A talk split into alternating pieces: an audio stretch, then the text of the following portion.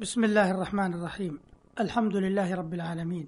والصلاة والسلام على أشرف الأنبياء والمرسلين نبينا محمد وعلى آله وصحبه أجمعين. أيها المستمعون الكرام سلام الله عليكم ورحمته وبركاته. أما بعد فقد كان الحديث في الحلقات الماضية يدور حول رحمة النبي صلى الله عليه وسلم بالبشر أيا كانوا. والحديث في هذه الحلقة بيان لجانب عظيم من رحمة النبي عليه الصلاة والسلام. فلم تقف رحمته عند حد الرحمة بالإنسان أيا كان بل تعدت ذلك إلى الرحمة بالحيوان البهيم الذي لا يبين عن شكواه وآلامه.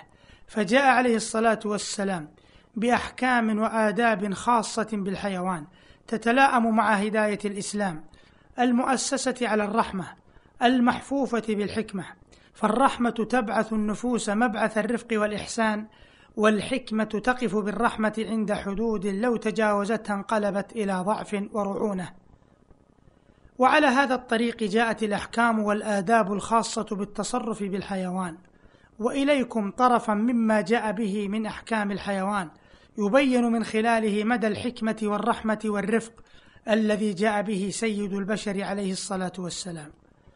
من ذلك أن الإسلام أذن في أكل الطيب من الحيوان ونبه بهذا الإذن على خطأ أولئك الذين يقبضون أيديهم عن تذكيته أو أكله بدعوى الزهد أو الرأفة وأباح استعماله في نحو الركوب والحراثة وحمل الأثقال. وقد امتن القرآن الكريم بهذه الضروب من الاستمتاع المألوف بين العقلاء فقال تبارك وتعالى والأنعام خلقها لكم فيها دفء ومنافع ومنها تأكلون ولكم فيها جمال حين تريحون وحين تسرحون. وتحمل أثقالكم إلى بلد لم تكونوا بالغيه إلا بشق الأنفس. إن ربكم لرؤوف رحيم. وقال تبارك وتعالى وجعل لكم من جلود الأنعام بيوتا تستخفونها يوم ظعنكم ويوم إقامتكم. ومن أصوافها وأوبارها وأشعارها أثاثا ومتاعا إلى حين. ومن ذلك فالله تبارك وتعالى امتن في كتابه العزيز بما يتخذ من أصواف الأنعام وأوبارها وأشعارها وجلودها من الملابس والفرش والبيوت وبما يتغذى به من ألبانها ولحومها وبما هيئت له من حمل الأثقال. وهذه المنافع من أهم ما تنتظم به حياة الإنسان ومن أعظم ما يكون به إكرام الحيوان ما دام على قيد الحياة. قال تبارك وتعالى والخيل والبغال والحمير لتركبوها وزينة ويخلق ما لا تعلمون.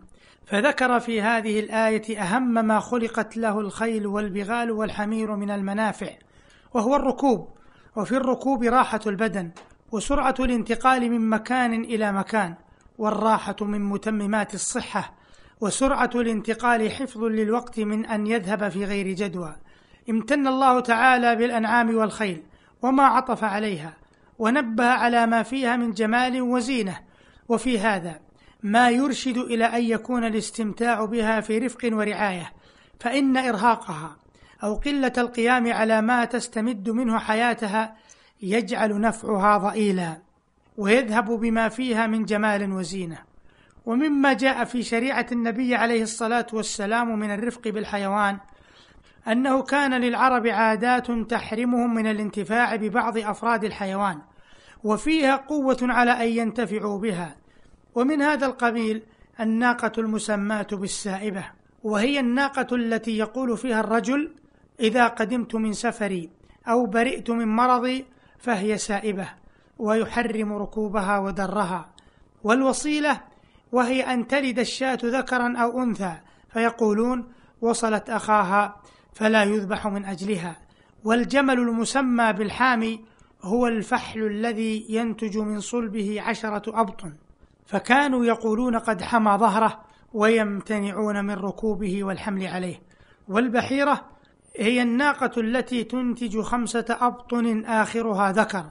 فإنهم كانوا يبحرون أذنها أي يشقونها ثم يحرمون ركوبها ودرها. ثم جاء الإسلام. فلم ير من الحكمة تعطيل الحيوان وهو صالح لأن ينتفع منه. فنهى عن هذا التعطيل الناشئ عن سفاهة الرأي فقال تعالى ما جعل الله من بحيرة ولا سائبة ولا وصيلة ولا حام ولكن الذين كفروا يفترون على الله الكذب وأكثرهم لا يعقلون. ومما كان للعرب من عادات قبل الإسلام أنهم كانوا يسومون الحيوان سوء العذاب.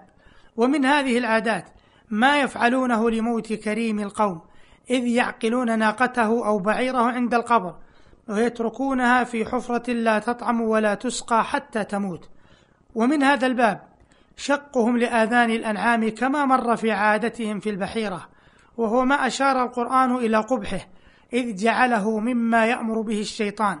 فقال تعالى وقال لأتخذن من عبادك نصيبا مفروضا ولأضلنهم ولأمنينهم ولآمرنهم فلا يبتكن آذان الأنعام ولآمرنهم فليغيرن خلق الله. أيها المستمعون الكرام إلى هنا ينتهي وقت هذه الحلقة وللحديث صلة في الحلقة القادمة إن شاء الله تعالى. فإلى ذلكم الحين أستودعكم الله والسلام عليكم ورحمة الله وبركاته.